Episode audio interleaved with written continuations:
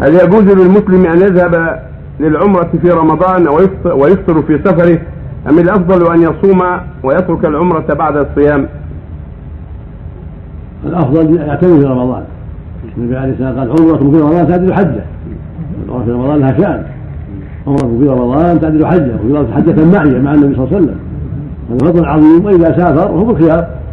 إن شاء أفطر في الطريق وإن شاء صام. الامر فيها واسع الحمد لله. وإذا كان في مكة كذلك. إذا كان إذا كانت اقامته في مكة قليلة يومين أو ثلاثة أو أربعة له أن يفطر وله أن يصوم. أما إذا كان يقيم أكثر من أربعة أيام فإنه يصوم في مكة ولا يفطر. إذا كان أراد القيام الاقامه في مكة أكثر من أربعة أيام. أما إذا كان يريد العمرة ويرجع أو يبقى يوم أو يومين مثلا أو ثلاث هذا له الفطر وله الصوم مخير. نعم.